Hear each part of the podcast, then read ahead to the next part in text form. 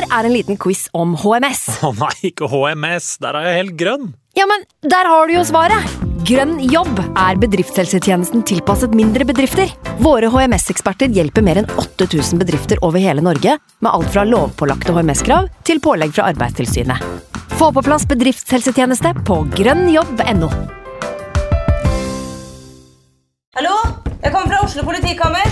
Ine Jansen er purk. Er du purk? The motherfucking bitch. Alt jeg vil, er å finne ut hva som skjedde med mannen min. Jon Carew. Er jeg sikta for noe? Iben Akeli. Det er du. Ole So, Lars Berrum og Big Daddy Karsten. Hvem sin side er du på, egentlig? Anette Hoff, Tone Danielsen, Kommer du fra Afrika? Jørnis Josef, Nesten. Kløfta. Trond Espen Seim, Det er synd å si det, men det var feil mann som døde. Purk. Premiere tirsdag på TV2 Play. I can't believe it. Football, bloody hell.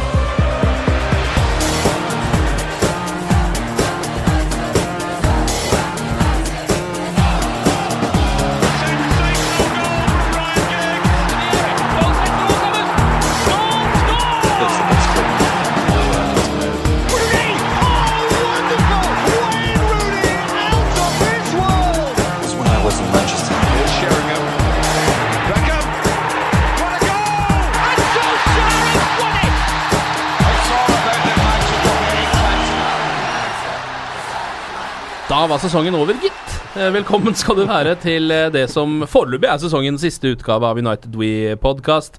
Jeg har med meg humorist, eh, TV-tryne fra Kollektiv på TV2, blant annet. Sebastian Brynstad, velkommen. Takk, takk. takk, takk. Og fra supporterklubben og United.no, vår favorittnettside, Eivind Brennod Holt, velkommen til deg også. Takk for det. Vi har dessverre ikke Jeg håper ikke jeg, jeg ville ikke si dette, Fordi da tenkte jeg kanskje dere ikke kom. Men vi må snakke litt om FA-cupfinalen, og så skal vi ha en slags sesongoppsummering i dag. Um, og, så blir det litt transfers siden vinduet uh, er i ferd med å åpnes. Uh, eller det er vel åpent, egentlig? Er det ikke det? Transfervinduet? Nå tok du meg litt på senga. Ja, det. Men er, det lov, er, det lov å, er det lov å ymte frampå med å kommentere Champions League? Ja, det skal vi også gjøre. Vi skal snakke litt om Champions League-finalen. Det må Vi må nesten svinge innom det. Fordi det var nok vel så mange United-supportere som investerte noen, eh, noen kalorier i den kampen, tror jeg, eh, som Liverpool-supportere. Men eh, la oss begynne med denne ferskens FA-cupfinalen, som vi tenkte skulle bli et lite sånn kirsebær på toppen av eh, den lille kremen vi hadde fra denne sesongen, på en måte. Ja. Men det ble det jo ikke, Eivind. Nei, vi skulle jo sitte her med hvert vårt eh, champagneglass, skulle vi ikke det? Jo, vi skulle egentlig det. Og tatt en liten skål. Ja. Sånn ble det ikke, nei. Uh, nei, det var en uh, Jeg var i London, og det var en uh, fantastisk dag. Ja. Helt til den fotballkampen begynte. Altså, det var så strålende solskinn og, og god stemning rundt Wembley. Eh, at alt lå egentlig til rette. Rammene var til stede for at United skulle avslutte sesongen på en god måte og, og få et godt momentum inn mot neste sesong. Og det tror jeg også de fleste forventa. Mm. Eh, og det har blitt sagt i poden her tidligere at det er ofte et dårlig tegn eh, for det United-laget her, at man forventer seier, og det viste seg også å være riktig. Eh, jeg syns det er en utrolig flat kamp fra United. Det er vanskelig å på en måte Man kan kritisere det, men det er ikke det er ikke en elendig kamp, det er en dårlig kamp. Og så spiller også Chelsea ganske dårlig, så det blir en uh, elendig FA-cupfinale. Ja. Det gjør det. Ja. Og underholdningsverdien er liten, men uh, ja. Jeg klarer ikke helt å liksom uh, slakte noen i det hele tatt. Det var Jeg syns Mourinho bommer på, på inngangen, og så er det litt bekymringsverdig å se hvor hvor avhengig man er av Lukaku og sånne ting, men mm. uh, alt i alt så en flat, flat avslutning. Sebastian? Altså, ja, for, Forventningene mine Du sier at du liksom Du hadde forventninger om å vinne. Jeg må innrømme at den sesongavslutninga som var, og liksom noe av det vi røyk på der til tider, vitnet om at det var mulig at ustabiliteten kunne komme fram, og det kunne bli en sånn leveranse. I hvert fall i mitt sinn. Så jeg var ikke sånn Jeg hadde ikke 100% godfølelsen, men allikevel så hadde jeg følelsen at Chelsea er litt samme sted. Mourinho, Mourinho tar dette. Ja. Men øh, jeg syns jo, når, når du ser kampen i ett, da, og hvor mye ball United faktisk har offensivt, og ikke klarer å putte den ballen i mål i den kampen der, det syns jeg er slaktverdig, ass. Ja. Der skal man score. Man blir tatt på kontra en gang. Man må altså får den straffesituasjonen med Jones.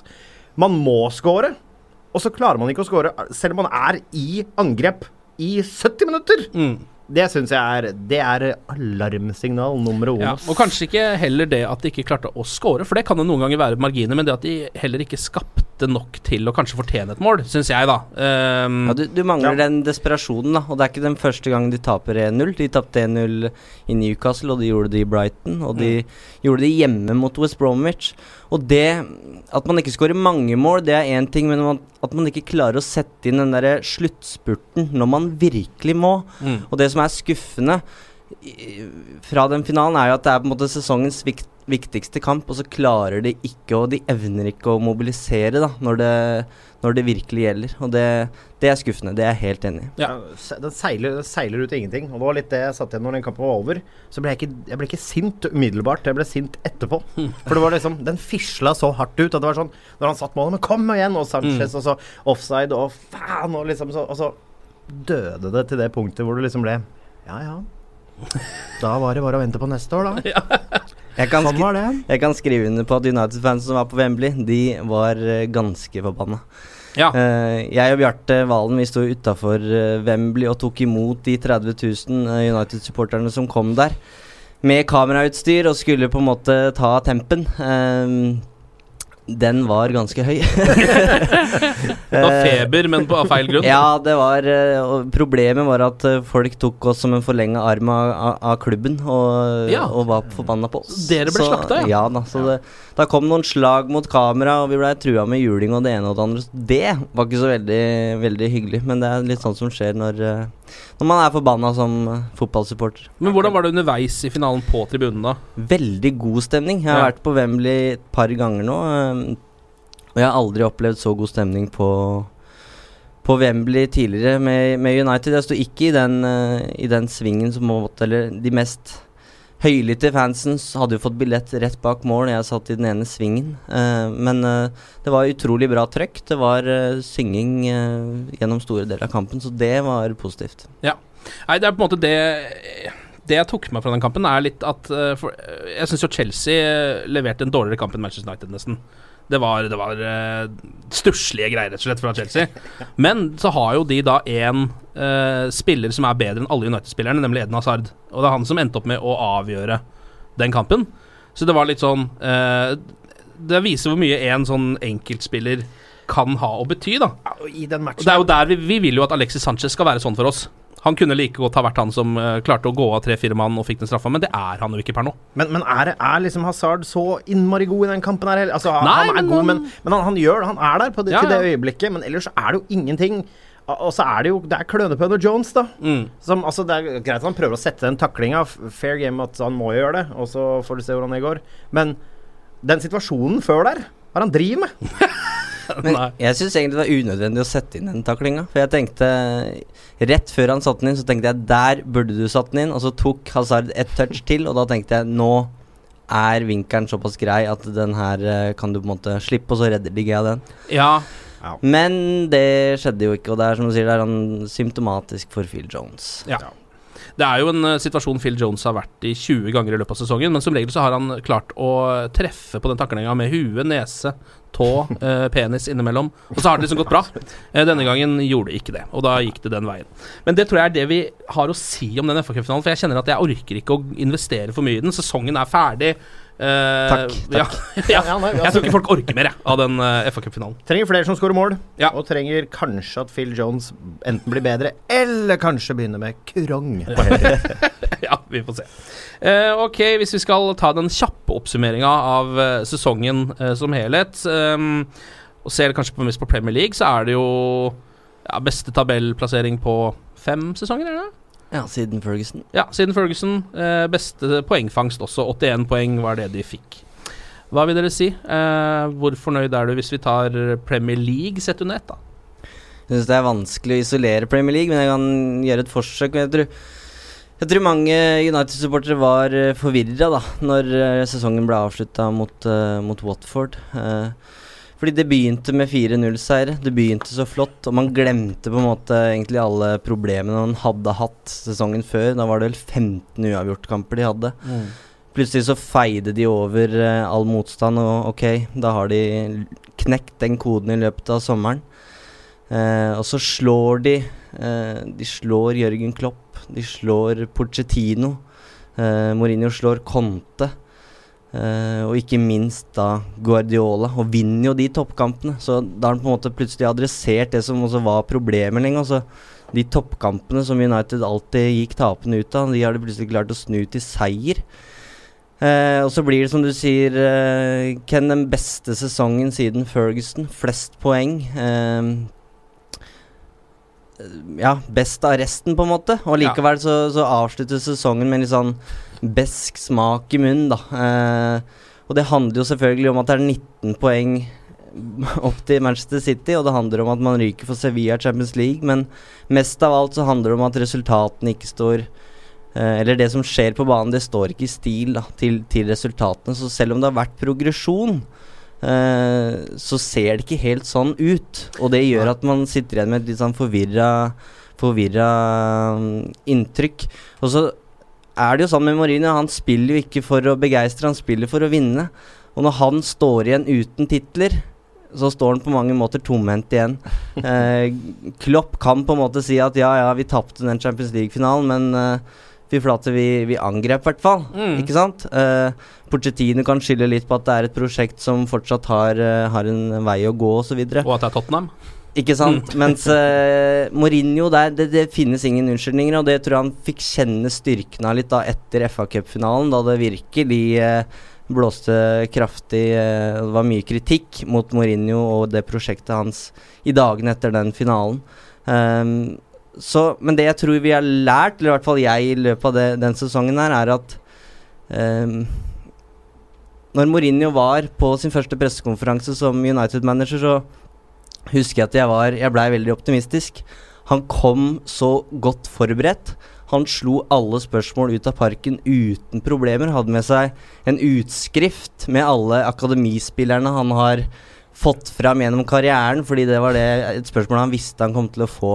Uh, og han hadde et glimt i øyet som fikk meg til å tenke at hvorfor ikke? Hvorfor kan ikke det her fungere i fem, seks, kanskje ti år? Hva er grunnen til at alle ser på det her som en quick fix som, som maks varer i to-tre år? Mens nå, etter den sesongen her, så kjenner jeg at Nei, det her fungerer ikke over så lang tid. Han tærer så på omgivelsene. Det er så mye støy at jeg har ikke tro på at Mourinho på en måte er den langsiktige løsninga som United-fansen håpa på. Uh, det glimtet i øyet er borte. Uh, og, og han er avhengig av å vinne, syns jeg, for å på en måte stå igjen, da, for å stå støtt. Uh, og så kan det hende alt uh, endrer seg igjen.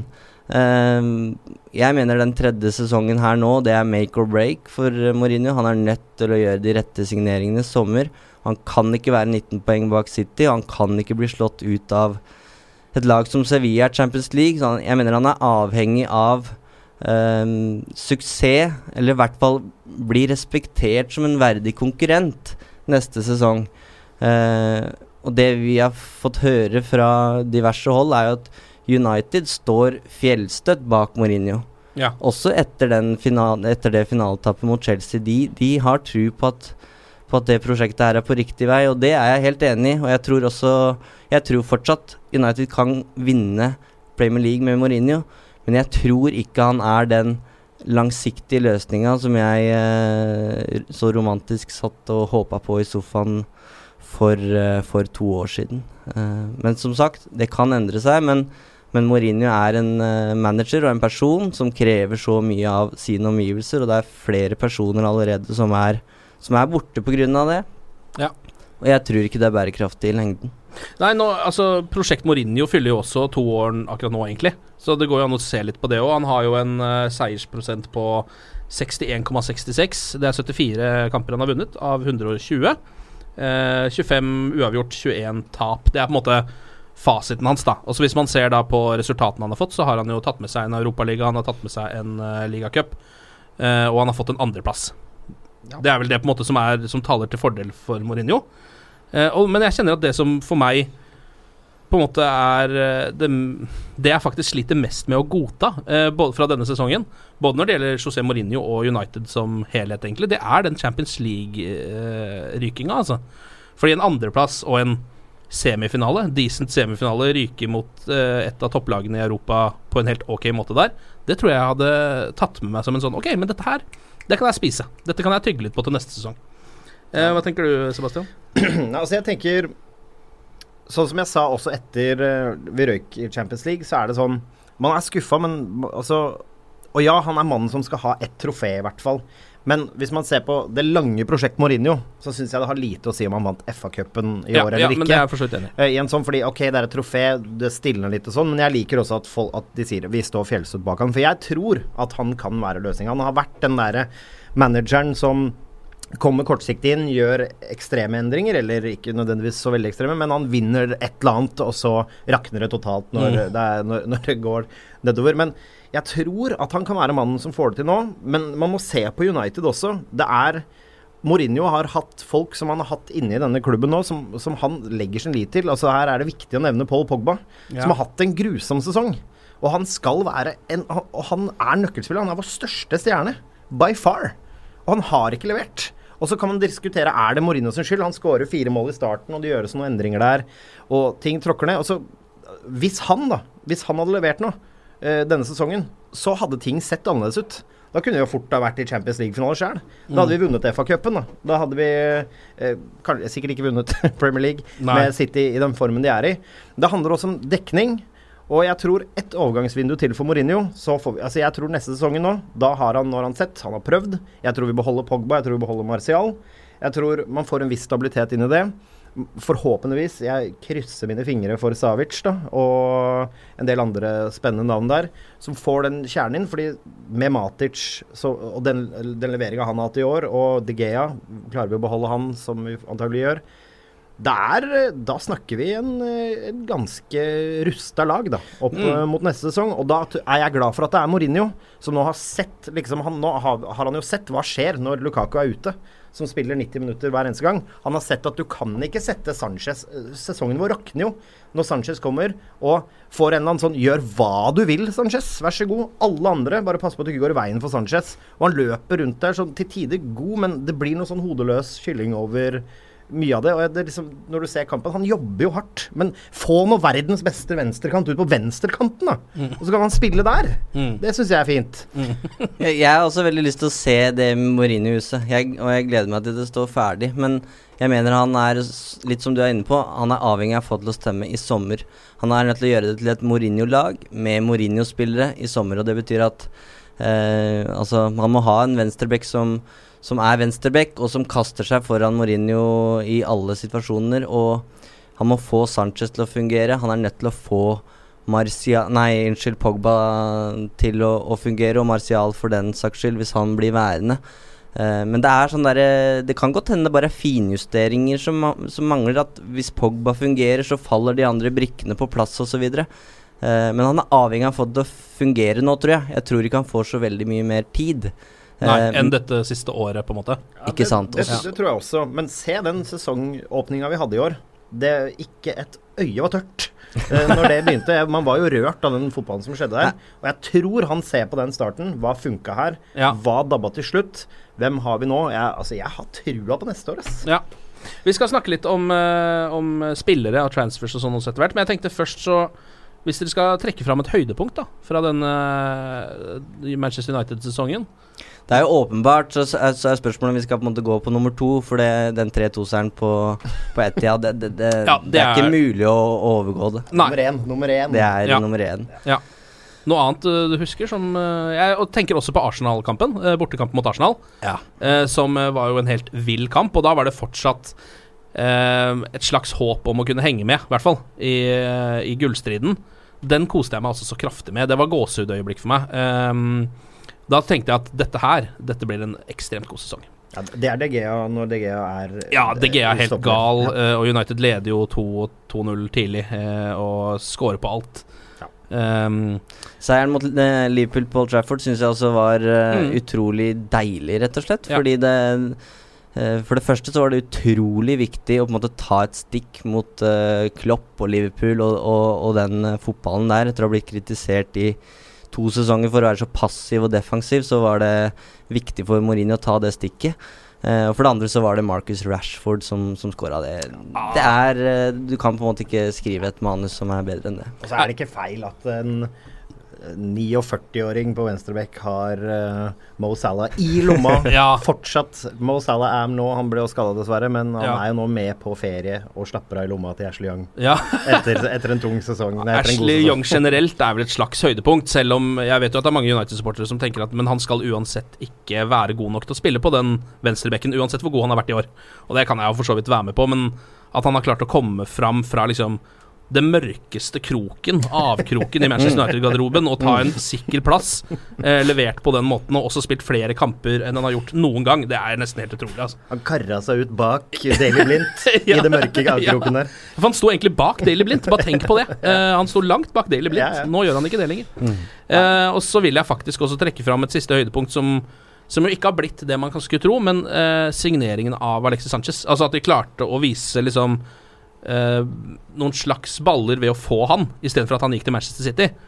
Det syns jeg var helt konge, og så har ikke det liksom eh, snudd opp ned på noe som helst. Eh, kanskje heller andre veien, at det har blitt verre. enda, enda. Enda. Veldig viktig å si. Men det var veldig sånn det, Jeg syns det hadde vært en liten sånn fallitterklæring hvis han gikk til Manchester City, og så satt vi liksom der med henda i lomma. Han har bare hatt sin oppkjøring, han nå. Ja, vi får håpe det. At det han kommer fra Nå får han jo, som mange har snakka mye om, fri i sommer. Mm. Som han ikke har hatt på ja, gud vet hvor mange år. Ti år eller noe sånt. Ja. Uh, så nå kan han slappe av litt, og kanskje kommer tilbake med litt ekstra krefter. Og så skal det gjøres, legges en spillekabal der for denne venstrekanten, hvor du har Rashford, Martial, uh, Ja. alle som kjemper. En vanskelig kabal. Nå skal det liksom ryddes opp i det. Og så leste jeg jo den samme som du sikkert leste på United.com, den 'Hvorfor Sanchez fortjener å hvile'. Det Ja. synes var en litt sånn fin greie, fordi sånn man ikke tenker på, men mellom Copa America og 400 landskamper, hva nå var, det var kanskje ikke så mange, men, eh, men og, og da Arsenal og United, og han spiller jo 90 minutter, da. Mm. Så jeg, det er litt hvile på han nå, og finne ut hvilken rolle han skal ha i laget, og øve inn det. Merk deg mine ord, han Ja. blir god neste år. Han trenger litt sendtid med bikkjene sine, og så kommer han tilbake igjen. Ja, Kanskje, av, kanskje avlive de bikkjene. Det er bra, godt forslag fra deg der. Og Se for dere den venstresida der med Alex Sandro på venstre bekk, og så har man Paul Pogba som en venstre indreløper, og så Alexis Sanchez på venstre ving. Høres bra ut. Det er et godt Fifa-lag. Så får vi se om det funker på, i virkeligheten også. Ja, det er mye Alex på venstre, det blir bra. Ok, bunnpunkt for meg eh, er det Sevilla. Dobbeltkampen mot Sevilla, det er det verste som skjedde i år. Utvilsomt, fordi det var den viktigste kampen der og da, selvfølgelig. Eh, og så var det igjen Det handler litt om de forventningene man eh, hadde United hadde Var inne i en god periode. Det var et eh, Alle var enige om at, det her var et redusert Sevilla-lag. Og så, uansett hvordan man vrir og vender på det, så var det et et sjokk. Eh, Ja. Og Sevilla har jo etter det, tror jeg, de gikk ti kamper uten seier, og, og Montella ble sparka. Så det, Altså, de var ikke i form verken før eller etter de kom til uh, Old Trafford, eller før eller etter bortekampen. Uh, De var ikke i form. altså de tapte mot et dårlig lag. det var et ganske dårlig lag i, i dårlig form. Ja, jeg mener det er verre enn tapet for eh, Bristol, for det er noe annet. Det var på bortebane, og, Ja. og det er noe med cupen der og, og antag antageligvis motivasjonen til United-spillerne Ja. som, som ikke var på plass den dagen. Men at det ikke er i Champions League, det er bare så Ja, Og hvor, skuffende. og hvor ekstremt viktig det er, og hvor ekstremt pinlig hele greia blir. Og, i det- Ja. Nei, den er, den er ekstremt tung å svelge. det, og så kler det Mourinho ufattelig dårlig å ryke ut av verdens gjeveste klubbturnering på den måten. Ja. Eh, enkelt og greit. Og så er det Mourinho-intervju etter der òg, som ikke var helt heldig heller. Ja, der var det også mye rart som det skjedde. Nettopp det. Eh, og så er det jo også noe med at hvis man ser på liksom i retrospekt hvordan den Champions League-sesongen ble i år, så ble den jo såpass rar at hvis United hadde klart å klamre seg videre fra den kampen, så plutselig hadde de vært i finalen. Ja. Altså Kanskje ikke så sannsynlig med tanke på hvilken form de var i, men, men det, var, det var så mye rart som skjedde. Ja, de er Eh, gode, har vært gode mot topplagene, så det er ikke usannsynlig at de kunne tatt seg ett steg videre til, i hvert fall. Ja. Jeg vet ikke hvordan bracketen er, men eh, det kunne jo hende også at det var en gavmild Karius. Altså, jeg vet ikke om dere, det, Karius har jo en tendens til å være snill i finaler. Så ja, at de skulle møtt en gavmild Karius litt før der, ja. da kan selv den mest u... Altså den mest eh, Hva heter det når du ikke er i form? Da heter det den mest uiformende spiller fått seg et mål. Ja, la oss ta det, da. Det har jo vært Champions League-finale nå eh, nylig. Em, og det satt jo en del eh, United-supportere også på den kampen, annet meg selv. Hva, hva skal vi si om dette her greiene her? Det, hvem har lyst til å begynne? Jeg, jeg har veldig lyst til å begynne. Ja. Oh, fordi jeg har bare lyst til å si De åpner den kampen og ser livsfarlig ut. Ja. Jeg tenker Real Madrid er mette. Jeg orker ikke, jeg har masse Liverpool-venner. Og jeg vil bare åpne med å si at egen lykke, det er bra, det, men andres ulykke er heller ikke å forakte. Dette er fotball, og skadefro er lov. Det er en hilsen til alle rævsåre Liverpool-supportere der ute. Eh, men, men nei, jeg syns eh, jeg, jeg, får, jeg får skrekken, og så får Salah skaden sin, som det Altså jeg blir ikke trist i hjertet mitt av det, men jeg syns ikke det er noe gøy for fotballen. Uh, for er, og så er det en liten sånn unnskyldning. Men så skjer, det- altså, så skjer det som ikke skal skje. Altså, Karius kaster ballen ut i foten til Karim Benzema. Jeg kan Altså, jeg klarte ikke å le av det. Altså, morsomsikringa slo inn. Altså, dette Det var så trist. Det, altså, Ja, det var jo nitrist. ja, og så kommer den brassa. Det var enda godt at den kom, da, som Ja. er et sensasjonelt mål. Men så, og så, og så er det utligning der, og du tenker liksom OK, skal de allikevel klare det? Og så kommer altså Såpe-Johnsen inn nok en gang med det jeg vil si er Den første er skandale, men la gå. Men den andre etter den første, det er jo Hall of Fame Ja. syndebukk. Ja. Finnes det noen større syndebukk i Champions League-sammenheng noen gang? Det gjør ikke det. Det gjør Nei, ikke det. det går ikke, altså det her er en Jeg har sett uh, Lilleputt-kamper eh, hvor jeg aldri har sett en så stor feil som den første han gjør der. Det er mange Lilleputt-keepere også som mister skudd inn i mål, Ja. men det å hive Jeg har aldri sett en, en keeper hive ballen i beinet på en spiss, og det blir mål. Altså Uansett hvor lavt nivå det er. Hadde det skjedd i tredje eller fjerde divisjon i Norge, så hadde den gått sin seiersgang på, på Ja. YouTube uten tvil. Ja. Og så skjer det i en Champions League-finale. Det Ja. det er Det er helt, Iraka har hatt eh, en field day på fotball på VGTV, for å si det sånn. Men jeg tror eh, Ja, jeg tror det var utrolig viktig for United-fansen, eller jeg veit at det var utrolig viktig at, eh, at det her endte med Real Madrid-seier, fordi eh, ja, man kan allerede høre Se for seg diskusjonene med Liverpool-fans de neste ti åra, liksom. Det Mm. hadde blitt vanvittig tungt å, å svelge. Og vi har et intervju på united.no om noen timer, tenker jeg, om en kar som uh, var United-supporter, men var så glad for, eh, for den Bale-skåringa uh, at han uh, ja, han løp rundt i ekstase, og i den ekstasen så skulle han vise kjæresten sin hva et brassespark var. Og kasta seg opp i, i lufta og pådro seg da kragebeinsbrudd i landinga. Så Det har vært en liten applaus. Det Det eh, er såpass elendig jobba. Ja, Så ga jeg en valget. Eh, Liverpool-seier eller kragebeinsbrudd, og da hadde han valgt eh, kragebeinsbrudd Ja. hver dag i uka. Ja, ja, men det hadde jeg òg. Jeg kunne, jeg kunne godt ofra et kragebein eller et bekken, eller egentlig alle mulige brudd som jeg kan komme på nå, eh, for at ikke de skulle ta den Hadde du ofret livet for Men altså, ja. Men at det skulle skje på den måten, det var kanskje mm, Var kanskje litt vel. Ja, nei, men, men det er- en kjempebonus. Altså, fordi Det er en kjempebonus at det skjer på den måten som United-supporter. Fordi Liverpool, de uansett, da Hadde de vunnet om de ikke vinner, så hadde de hadde de bare tapt 1-0, eller uansett, så hadde de hatt så utrolig god vind i seila. Champions League-finale. Ja. Vi ser bra ut, vi er tett til United. Og det er sånn øh, Og Klopp-effekten som vi snakker om, de har sånn hurrafotball som vi ikke Som vi liksom ikke har, da. Og men, men det, når, når liksom herper seg til sånn ordentlig der, da, ordentlig derping, og de sitter igjen der, og så er det sånn Å ja, så gikk eh, Sala ut, og uten Sala så var det plutselig ingenting. Og hvis Sala ikke har samme sesong neste år, hva skal Liverpool gjøre da? Og i tillegg så er jeg ganske sikker på at de er nødt til å kjøpe en ny keeper. Han kan ikke reise rundt Han kan ikke reise rundt en eneste stadion, han, han nå, og sitte når du bytter banehalvdel, og han står i mål der, Karius, foran motstandssupport eneste han kommer til å høre, er Champions League, Champions League, Ja. Champions League. Han er nødt Altså, han må begynne med kurong, apropos. Ja. Må, men han må finne seg noe til å gjøre. Jeg tror, han, jeg tror han er ferdig. Hva tror dere? Ja, men jeg tror han har, sitt, han har spilt sin siste Liverpool-kamp, tror jeg, da. Eh, så kynisk må man være selv i en hurra-fotballklubb som Liverpool. Hvor de ikke bryr seg om keepere, tydeligvis. Men uh, altså, det der går jo rett og slett ikke. Du kan ikke sette han utpå der i første Premier League-kamp. Det, det blir jo helt sånn Hva er det du driver med da? Shortsen litt høyt og Ja, hva litt sånn nærmest.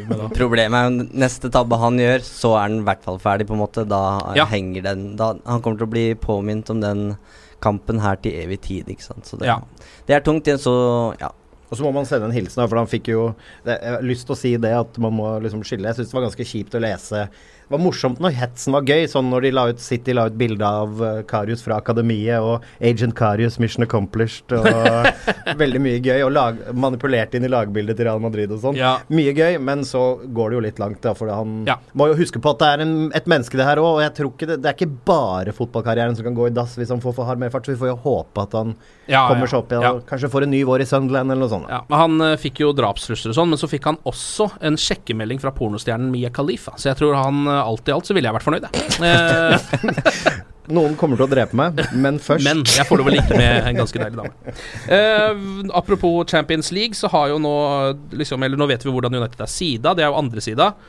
Um, først, det vil si at de får et av disse lagene her i gruppa si. Atletico Madrid, Real Madrid, Barcelona, Bayern München, Juventus, PSG, Manchester City eller Lokomotiv Moskva. så da vet vi jo hva vi vil ha der. Nei, altså vet du hva, jeg er uenig, fordi Lokomotiv Moskva, de taper vi mot. Ja, det det. Lokomotiv, der ryker vi. Ja, Men det, det Real. Madrid, da vinner vi. Ja, ja. ja, da kunne det vært litt deilig å sette United også mot et så bra lag nå, syns jeg. Altså Real Madrid-Barcelona i en ordentlig match. Bare for å Eller nå vet jeg ikke helt hva jeg sier, men eh, jeg tror det hadde vært litt ålreit. for- Fordi det er en slags reality check, da. Da får du se litt om det er eh, ti år til neste gang vi eh, er i Champions og skal du vinne dette her, så må du slå dem uansett. Ja, nei, bare du må jo ikke Ja, det. det. nei, du kan slå dem i sluttspillet. du kan slå Det Roma, det. Men eh, Ja, du- Mourinho sa det før uh, trekninga eh, forrige sesong, at uh, han var alltid uheldig. Det var, Han hadde aldri noe særlig tur. Så viser jo statistikken at han som alle andre har heldige trekninger og uheldige trekninger. Ja. Men eh, United har vært eh, meget heldig de siste gangene, syns jeg. De var veldig heldige i forrige sesong. Fikk Benfica Mm. fra pott nummer én. Og under Louis van Hall også så hadde de en veldig komfortabel gruppe som de da ikke klarte å gå videre fra. Ja.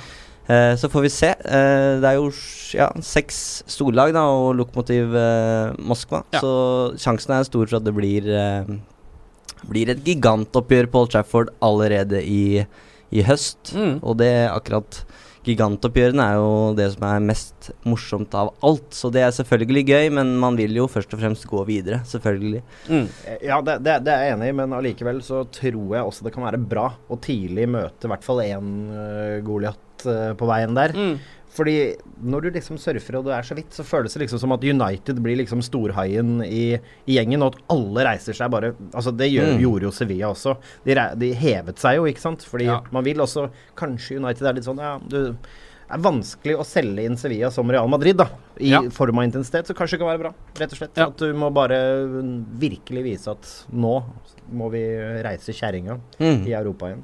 Ja, Det blir spennende med den trekninga, iallfall. Fordi sånn som jeg allerede nå begynner å se for meg uh, hvordan jeg skal legge opp forventningene mine for neste sesong, så kjenner jeg jo at det er Champions League som nå er viktig for meg. For jeg, jeg kan ikke se for meg at de skal helt klare å ta ligagull neste år heller. Manchester United per nå. Ehm, og da blir det nok en sånn få Champions League-plassen, men på en måte i sjølve mesterturneringa. Det er der de må bevise noe, da, har jeg følelsen av. Uh, nå viser det seg at du trenger jo ikke å være på toppen av Premier League for å komme langt der. Nei, men det er fælt å Hvis man mener at Eller hvis følelsen er at Champions League-veien er enklere enn den i Premier League, så, Ja. så sier det litt om Men det handler jo selvfølgelig om City, som Mm. er uh, overlegne, men de er jo også i Champions League, så Ja. på et tidspunkt så kan det hende man- er nødt til å, å møte dem. Ja, men der er det på en måte litt andre regler. Fordi hvis man ryker mot City i en semifinale, så vil det fortsatt være en, i hvert fall for meg, en ok følelse rundt det. Uh, fordi det Altså, det vil selvfølgelig være drita surt å ryke mot City, eh, det er ikke det jeg mener, men Det, det er et eller annet med at vi, det er så lenge siden United har gjort det bra i den turneringen, og det betyr så mye for meg. Ja, og det som støtter teorien din, er jo José Mourinho, som eh, til tross for det finaletapet nå, igjen viser at han er en sånn cupmanager. Ja. de, de greiene der, det, det takler han egentlig meget bra, selv om det da sto feil eh, mot Sevilla. Så når han eh, møter Real Madrid eh, i to kamper, eller si City da, i to kamper i Champions League, så, så er det som du sier, Ken, at da Det er akkurat som man føler at det er litt andre forutsetninger enn om det er en seriekamp i, i Premier League. Mm. Men, men apropos altså, det, det å vinne Champions League, og at, liksom, ja, at man skal gi City den der Ja, men de kommer til å være så mye bedre. Altså, vi vis, altså, man viser jo at de, det er mulig å slå dem. Ja. Liverpool leste hvordan man slår dem. Altså det kommer også til å få ringvirkninger inn i, i de neste sesong. Man vet Ja. hvordan man slår laget til Guardiola. Og, Og også det at jeg tror, et lag, jeg, jeg tror et lag som har fått 100 fuckings poeng, er litt mette neste sesong. Jeg kan ikke se for meg at det er liksom samme intensiteten hele veien. Nei, for det er liksom begrensa altså, litt begrensa hvor mye mer de kan få ut av stallen sin. Altså De kan gjøre noen signeringer og sånn, men det er veldig mange der som spilte på relativt sitt høyeste nivå store Ja. deler. United kan ta steg. Arsenal kommer til å ta, ta steg. Uh, Liverpool fortsetter greia si. Så jeg må bare få lov til å være litt grann romantisk og si at hvis United gjør et godt overgangsvindu, og ting faller litt på plass med de som har underprestert nå, så skal dere ikke se bort ifra at det blir The Treble. Oi, oi, oi, oi, oi. Der kom T-ordet inn, gitt! The Treble! Det er sagt. Det er sagt. For å fortsette litt den deilige naiviteten der, da, så Det som kan være et scenario, er jo at nå er det City som kommer til alle stadioner i, i Premier League som, som mestere. Det er de som skal slås. Eh, var, de var selvfølgelig en av tittelkandidatene forrige sesong, men det var ingen som hadde trodd at de skulle være så overlegne og så gode. eh, som, de, som de har vært. Og én ting er at uh, noen storlag har klart å, å ta noen stikk mot dem, men Huddersfield stoppa City på Etihad. Det er en sånn det, det var jo et eller annet, om ikke et vendepunkt, så viser det i hvert fall at det er faktisk mulig, da. Mens United, som har levert eh, det mange mener er en skuffende sesong, så kan man tillate seg å håpe at kanskje ikke motivasjonen er like stor. Kanskje ikke rett og slett er nok med ett poeng på Old Trafford. Kanskje, kanskje et lag som Watford kommer dit og tenker nei, nå skal vi prøve å ta alle tre. Mm. Og så blir det 3-4-1 til United isteden. Ja. Så altså det styrkeforholdet har endra seg litt, og, og som vi snakka litt om tidligere, altså sånn eh, Ja, United, om de ikke er underdog, så er det i hvert fall ikke det laget alle nødvendigvis er ute etter hele tida. Ja, og, og jeg, en spiller da som vi også har snakka mye om på, på, på kanskje på godt og vondt, da, men Paul Pogba. Han er mister mediamann. Han, har, han liker godt å være i rampelyset som verdens beste fotballspiller og ungkar og spellemann, ikke minst. Så jeg håper og tror at hvis han blir i United nå over sommeren, at han Han er jo nødt til å levere. Han kan, han kan ikke koste på seg en sånn sesong til. Nei. Og det, det er- handler da- ikke bare om United-karrieren, det handler jo om hans omdømme. Altså Den ballen er så til de grader på hans banaldel. Ja, ja, og han er nødt. Han må opp i ringa, ellers så blir det Pogbans og Ja. reality på heltid. Ja. Altså Real Madrid kommer aldri til å ville ha det Nettopp. hvis ikke du leverer nå. Nei, er veldig spennende også å følge han i fotball-VM, for å se om han på en måte, om det er noe med Manchester United, eller om det er noe med han som spiller akkurat nå. For Hvis han plutselig eh, er på verdensklassenivå under fotball-VM og skårer tre mål i løpet av eller hva det måtte være, Mm. så betyr det jo at det er et eller annet feil med hvordan han brukes i United. I hvert fall kan Ja, man tenke det. Det var ikke all verden i EM for to år siden. Nei, det var det faktisk ikke. Da var han litt sånn som han har vært siden. Ja, og han har blitt brukt mye feil i år, men det betyr ikke at du skal levere på det nivået, for han er Nei. god nok til å spille bedre der. Og så må han få Uansett hvor han spiller, så kan han jo ikke slå feilpasninger an, annenhver pasning, sånn som han har gjort i noen kamper. Det går jo ikke an, uansett om han, spiller, han har spilt midtstopper, som jo er åpenbart feil bruk, så hadde jeg nok klart å treffe på de pasningene. Ja, Liksom. og, og, og så er det, og så må jeg si det en gang til. Altså, hvis det er noen som hører på som kjenner Mourinho, kan bare si det, da. At bruk, når du har spillere i verdensklasse i gitte posisjoner, bruk de i den posisjonen de er best. Ja. I hvert fall når du kan.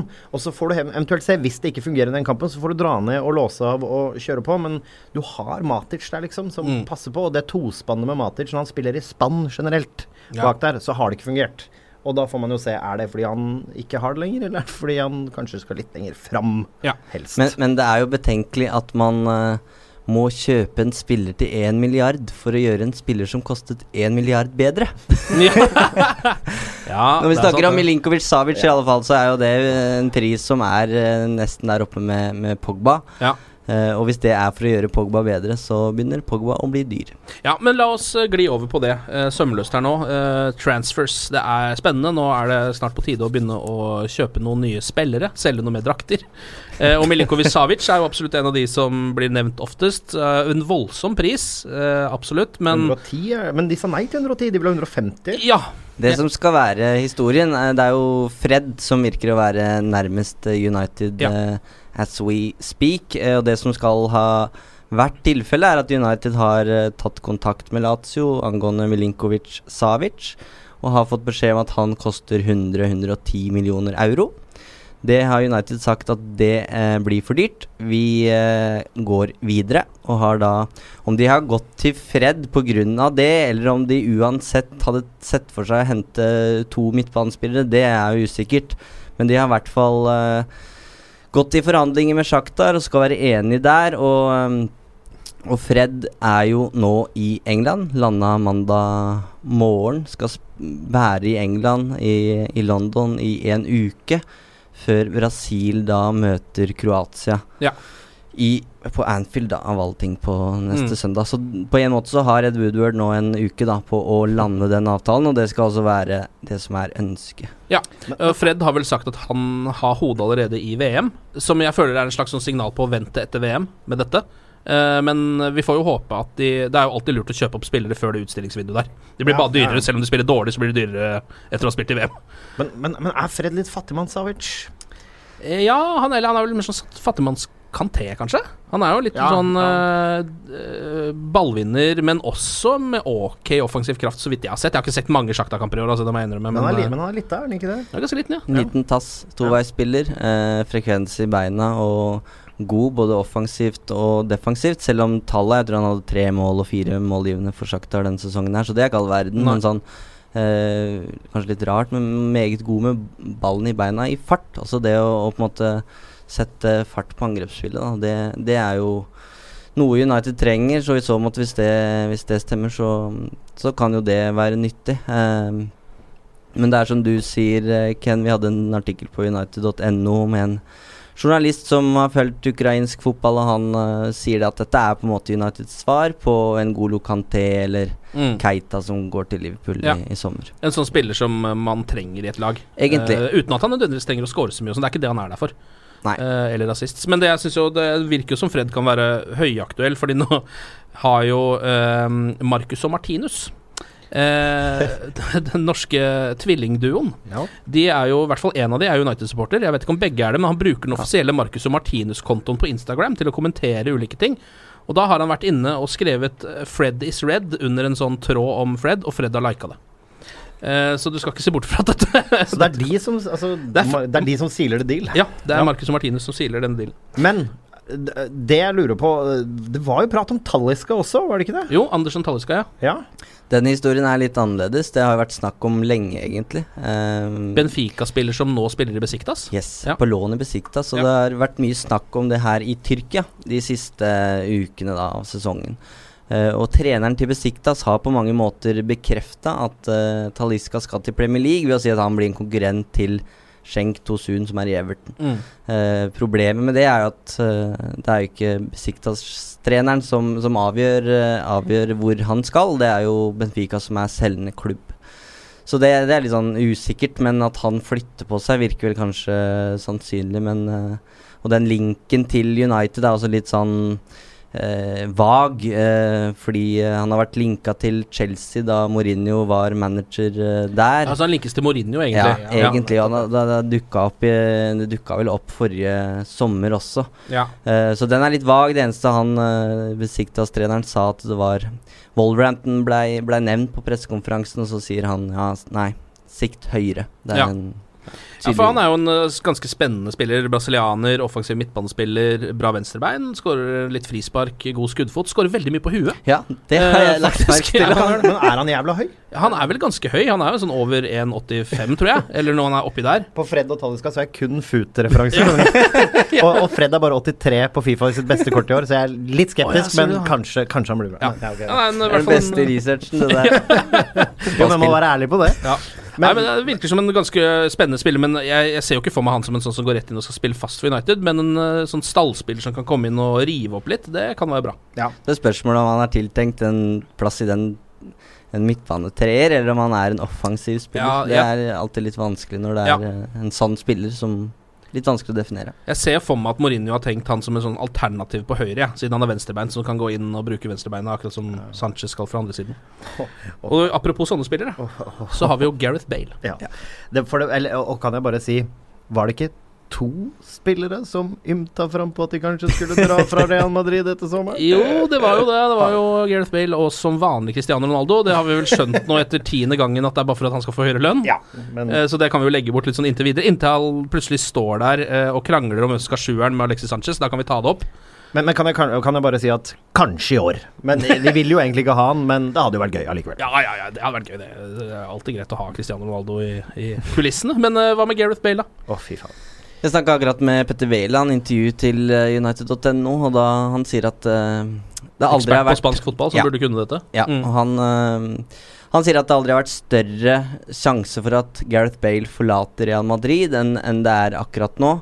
Uh, og at United åpenbart er en klubb som kan gjøre han til den stjerna som han ønsker å være. Mm. Og så er spørsmålet, som han sier, om, om det er om sjansen for at han eh, forsvinner i sommer er over eller under 50% det er faktisk litt vanskelig å si, da.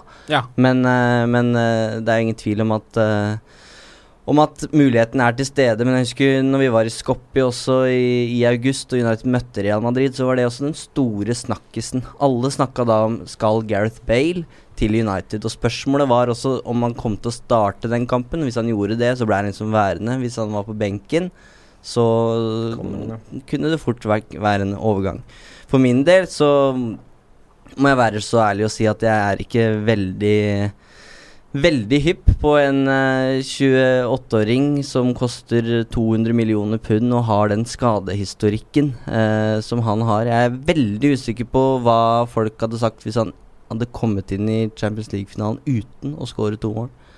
For eksempel. Ja, han var jo en av de som skulle slaktes, på en måte. eh, fordi han har jo ikke vært i så bra form, han heller. Men Ja, eh, det er, bare for å ha sagt det, det er åpenbart en fantastisk fotballspiller, og han har hatt fantastisk suksess i, i uh, Tottenham uh, i Premier League tidligere og har vært veldig god for Real Madrid glimtvis også. Men det er noe med hvor mange av de der kan man ha. Skal vi ha Alexis Sanchez og Gareth Bale? Eh, greit, eh, da ryker Martial f.eks., men eh, det er en Marcus Rashford som står og banker på døra, og, og en Jesse Lingard. Nå, da, da begynner de å gå veldig på akkord med prinsippene sine, syns jeg. Det er et ekstremt kortsiktig valg men, å, å, å ta Gareth Bale, men det er sånne ting som jeg tenker på. At han, han har helt sikkert ganske mye å lære av seg til unge spillere, som også Lingard og Rashford. selvfølgelig, De burde jo begynne å eh, ta det siste steget etter hvert. Men som du sier, det er et dyrt og kortsiktig valg på en spiller som har mye skadehistorikk. Men han brasser en ball i krøsset i Champions League-finalen. Altså. Og ja, Som om det skulle være helt selvfølgelig også. Ja. Han spratt jo bare opp der på ja. nanosekundene. Uh, og jeg tenker også Det er det som er jeg, For jeg er på en måte delvis enig med deg, Eivind, men også så tror jeg at hvis hvis det skal være noen sjanse for at Manchester United skal kunne hevde seg, kanskje vinne ligaen neste år, så er, kan det være fordi Gareth Bale har hatt en kjempesesong. Skjønner du hva jeg mener? Og skåret 20 mål, og det samme har Lukaku også gjort. Det er en ny fyr som Altså, Alexis Sanchez skårer ikke så mye mål. Gareth Bale er egentlig en målskårer, liksom. Han er en fyr som banker inn når han er i form, og så er han skada resten av sesongen, på en måte. Ja. Uh, pluss at han da er en, et alternativ på høyresiden. Det har vi jo egentlig Det er liksom Mata som er sånn klassisk høyreving nå, og så er det Rashford innimellom, men han liker også best å spille på venstresiden. Ellers så tok jeg feil i stad. Altså at venstresida, det blir Bale, Pogba og Sanchez. ja, Bale som venstreback. Og det er spennende å få han tilbake på gamle Southampton-plassen sin. Eh, det er jo også en annen eh, eks-Southampton-spiller som er i loopen. Det er jo Toby Alderweireld fra Tottenham, eh, midtstopper. Eh, Han er jo solid, er han ikke da? Det, er liksom, det ser for meg sånn eh, sikkert kjøp, nesten. Jo, men Han- sender vi, sender vi Merk deg mine ord. Altså, Martial Ja, han har ikke hatt den beste sesongen, og det er mye pga. spilletid og, og, og, og mye forskjellig, men altså, i det sekundet Martial forlater United og blir førstevalget i en annen klubb, så kommer den mannen til å bli en av verdens beste fotballspillere. Ja. Og det må han bli for oss, og jeg mener det. Og Tottenham sier jo det at ja, dere kan få Aldevarell til oss, men da skal, kan dere få noe penger og, og Aldevarell, så får vi Ja. Martial. Og gjør, selger Mourinho Martial til en direkte konkurrent, da Ja. rakk dere for meg. Ja.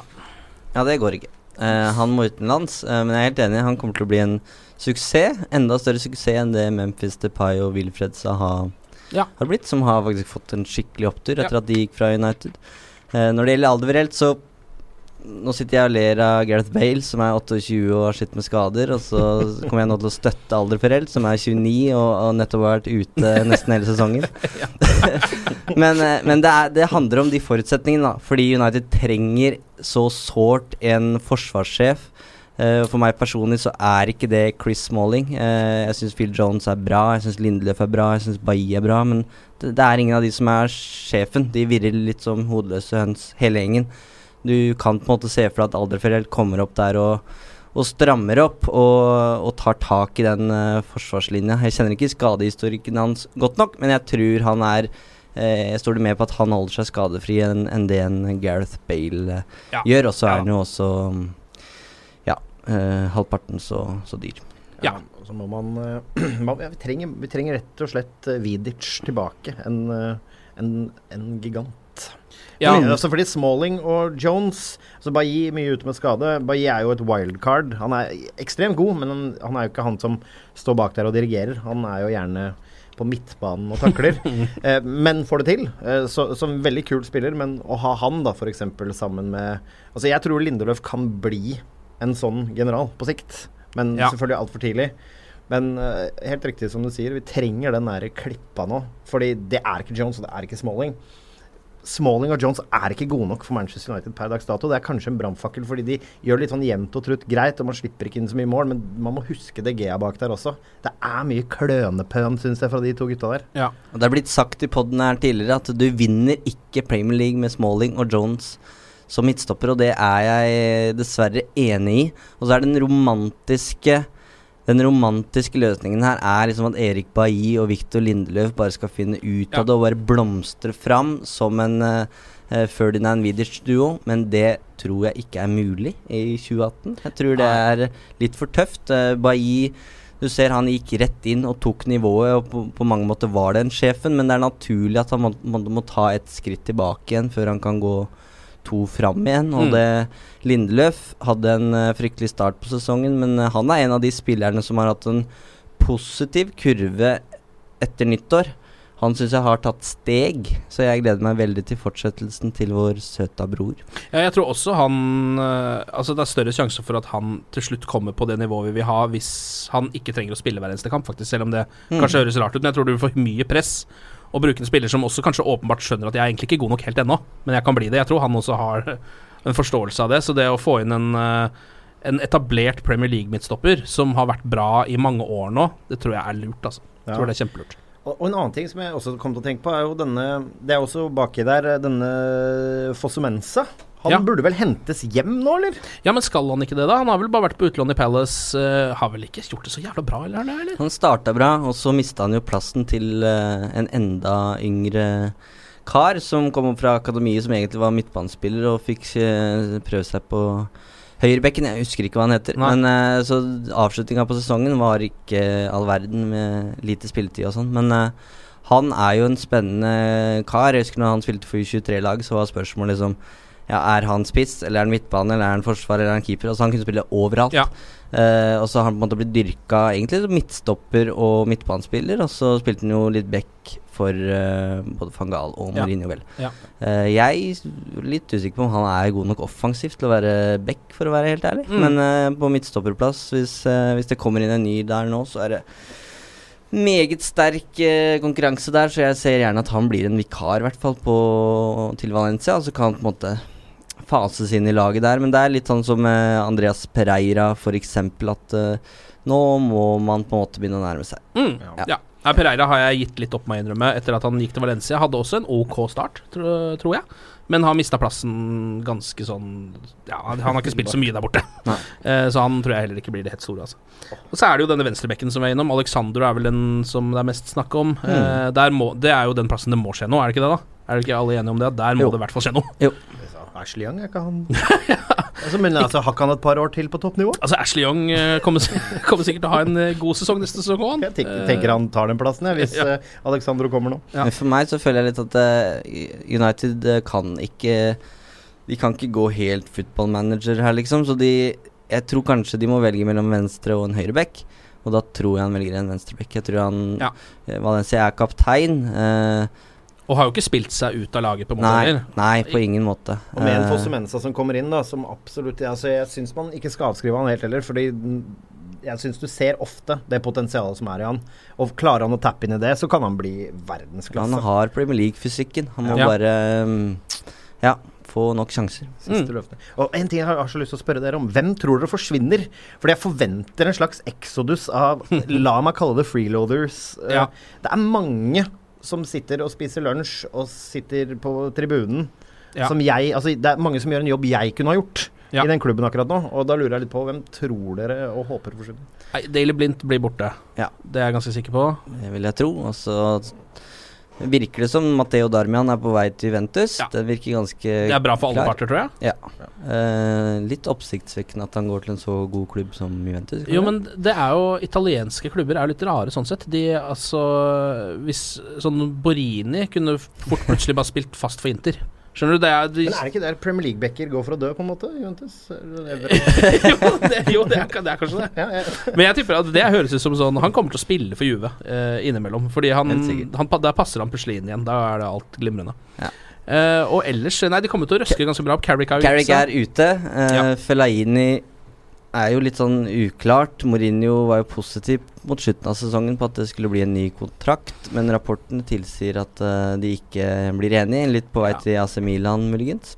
Men han sier jo ikke ja til lønna der heller, så han er jo Nei, men han har, han har kanskje litt høye tanker om seg selv, Marwan Fellaini, tror jeg. Ja. Eh, og det kan man jo til en viss grad skjønne, fordi hver gang han spiller Ikke hver gang, da, men han er jo en fyr som kan ha følelsen at han går inn der og er uovervinnelig innimellom, fordi han er det, på en måte. Og, Ja. og eh, regjerer den 16-meteren så hardt, egentlig i begge ender. Er spiss øh, Ja, og spiss og stopper. midtstopper, liksom. Eh, så jeg kan jo forstå at han setter sin egen verdi såpass høyt, men han spiller, kommer jo aldri til å spille fast for en toppklubb med de kvalitetene han har. Så han må jo nesten skjønne det. At Mm. Manchester United er taket hans, liksom. Det blir ikke noe større klubb enn det. Men, men Luke Shaw Ja. Den er kjempevanskelig, fordi eh, Hva det ble sagt i en annen pod her? Det er nesten barnemishandling å la han bli værende et år til under Mourinho. Men Og det er eh, dårlig gjort. Han må få seg et nytt hjem. Eh, Det er det. det, er, øh, Det er, har ikke vært så mye snakk om det. Det mye skjer i løpet av en sommer med VM osv., da. Eh, men eh, ingen vil, vil jo bli sjokkert hvis han hvis han forlater klubben. Men hvis han blir værende, så må det jo være for at han skal få en skikkelig sjanse. Altså sånn, eh, det kan, Da kan det ikke gå seks måneder før han skal fases inn. Eller fordi det ikke har kommet et veldig bra bud. For Ja. jeg ser for meg at Ja. United hører på alle bud på Luke Shaw, da. Hvis det kommer noe de tenker sånn Ja, det er en god pris, da tror jeg han går. Mm. Fordi han spiller jo ikke. så ja, nei, det er det er ikke noe vits i å bare ha han gående rundt der på gress heller. Det må jo få han til å Nei, det er en vanskelig situasjon, egentlig. Og så er det jo spørsmålet Vi snakker om alder for helt inn. Da må antageligvis en midtstopper ut. Uh, hvem er det? Og så er det litt sånn Martial-greiene nå. Ja, for nå Sist- kom det jo en kontra på Martial igjen, eller i hvert fall noen eh, rykter andre veien, da, om at han ikke allikevel skal gå. Ja, kan jo fort være for å presse prisen òg, da. Ja, For det så jo veldig om... lenge ut som at ja, nå vi må bare kvitte oss med Martial. Men så er det sånn, ikke tale om. Han er verdifull for oss mm. for å presse prisen opp. mm. Men, men jeg, jeg og Hedman, som ofte er på besøk her, vi flørta med tanken å låne ut Rashford og kjøpe en kalasspiss som kan dekke. Fordi straks Lukaku humpa av her etter å ha spilt Mm. nesten hele sesongen, så var det platt. Ja, det det er, er et ikke fordi kjempepoeng. nødvendigvis Rashford er så dårlig, men kanskje låne ut han og Mm. kjøpe en spiss. De trenger en Henrik Larsson, syns jeg. En Ja. sånn uh, målsnik som lever fint med å sitte på benken og kanskje syns det er like gøy å bare sitte der og følge kampbildet og komme inn de siste 25 eller 20 Ja. når United trenger mål. Eh, og få et klart alternativ til eh, Lukaku. Jermaine Eh, Defoe er kanskje ledig på markedet, eller? Mansuk Mansukic ble jo Ja. nevnt her, men, men eh, jeg er absolutt åpen for det, fordi jeg syns ikke Jeg syns Marcus Rashford er en spiss, og han må dyrkes som en spiss uh, etter hvert. Snart. Men uh, jeg ville jeg ville ikke vært helt komfortabel med å bare ha Martial og Rashford som spissalternativer. Og Mourinho har sagt det sjøl, Lukaku har spilt fordi alternativene har ikke vært gode nok. Mm. Og du er nødt til å ha et alternativ på topp. Det er jo unødvendig å si, men det er jo en av de viktigste rollene i et lag, selvfølgelig. Ja. Og den rollen kan jo, har han bevis før, faktisk Gareth Bale bekle.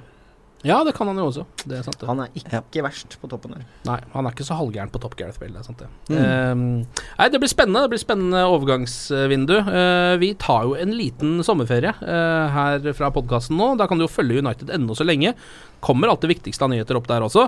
Um, og så tenker jo vi selvfølgelig, hvis det skjer noe, hvis det skulle skje noe, et stort eh, kjøp eller noe lignende, så kommer vi inn med en lita bonuspod. Rett fra stranda, direkte fra huk. Direkte fra huk med en lita Og hvis jeg kan komme med en liten reklamesnutt på, på slutten eh, Vi i supporterklubben jobber nå med inne i sånn deadline-modus nå på siste utgave av medlemsbladet United-supporteren. Som kommer til medlemmene i juli. Det er eh, et blad i helt eh, ny drakt. Større magasinformat, 116 sider. Så de som er medlemmer, åpne plastikken og sjekk ut det. Eh, intervju med Phil Jones, Ryan Giggs og tolv sider om veien videre for Mourinho bl.a. Og for de som ikke er medlem, så er det bare å gå inn på United.no og melde seg inn, og så sjekke ut det, for det tror jeg blir meget bra i all beskjedenhet. Ja. Har, du, har du begynt å ha med sånn leke sånn som du gjør i Donald, i plasten? Nei, kanskje det okay, det kan være et tips. Det er det. Det er et Kan være et kjempetips. det er et kjempetips. Eh, og så får vi jo se også, kanskje vi tar en liten eh, VM-spesial òg, hvis det er noen eh, United-spillere som begynner å eh, utfolde seg litt i, eh, på den største scenen som fins for alle oss fotballfans. All right, glory, glory, og god sommer så lenge.